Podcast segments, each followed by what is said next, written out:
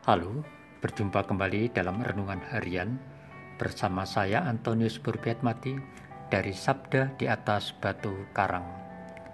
Saudara-saudari yang terkasih, hari ini Rabu tanggal 10 Agustus adalah hari biasa pekan ke-19. Hari ini gereja memperingati Santo Laurentius, seorang diakon dan martir. Renungan kita hari ini terinspirasi dari bacaan kitab suci. Bacaan pertama diambil dari surat kedua Rasul Paulus kepada jemaat di Korintus pasal 9 ayat 6 sampai dengan 10. Dan bacaan Injil suci dari Injil Yohanes pasal 12 ayat 24 sampai dengan 26. Mari kita siapkan hati kita untuk mendengarkan sabda Tuhan yang akan dibacakan oleh Saudari Monica Rosa dari Paroki Kristus Raja, Katedral Keuskupan Tanjung Karang. Menjelang akhir hidupnya, Yesus berkata kepada murid-muridnya, "Jikalau biji gandum tidak jatuh ke dalam tanah dan mati, ia tetap satu biji saja. Tetapi jika ia mati, ia akan menghasilkan banyak buah. Barang siapa mencintai nyawanya, ia akan kehilangan nyawanya. Tetapi barang siapa tidak mencintai nyawanya di dunia ini, ia akan memeliharanya untuk hidup yang kekal. Barang siapa melayani aku, ia harus mengikuti aku, dan di mana aku berada, di situ pun pelayanku akan berada. Barang siapa melayani aku, ia akan menghormati Bapa. Demikianlah sabda Tuhan. Terpujilah Kristus.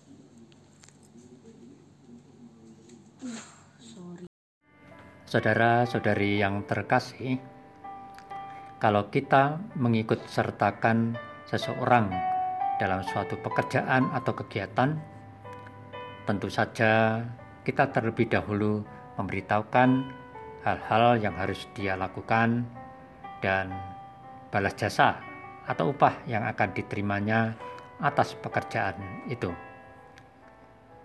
Tentu masing-masing pihak tahu akan hak dan kewajibannya. Bagaimana dengan hal mengikuti menjadi murid atau pengikut Kristus? Adakah kita menyadari dan tahu akan hak serta kewajiban kita, saudara-saudari yang terkasih, dalam bacaan Injil pada hari ini, Yesus mengajar para muridnya tentang kemuritan model Yesus. Menjadi murid Yesus haruslah tangguh, berani mati demi kebenaran Injil, dan siap melayani kapan pun Tuhan membutuhkan. Dan jika tangguh dalam menjadi murid Tuhan, maka Tuhan akan memberikan balasan, yaitu penghormatan surgawi atau hidup berbahagia bersama Allah. Nah, bagaimana dengan diri Anda? Adakah mampu memiliki ketangguhan iman menjadi murid Tuhan?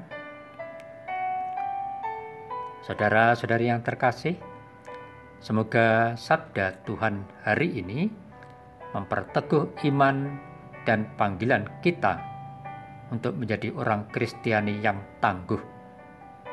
Seperti biji gandum yang mati, namun ia akan menghasilkan banyak buah.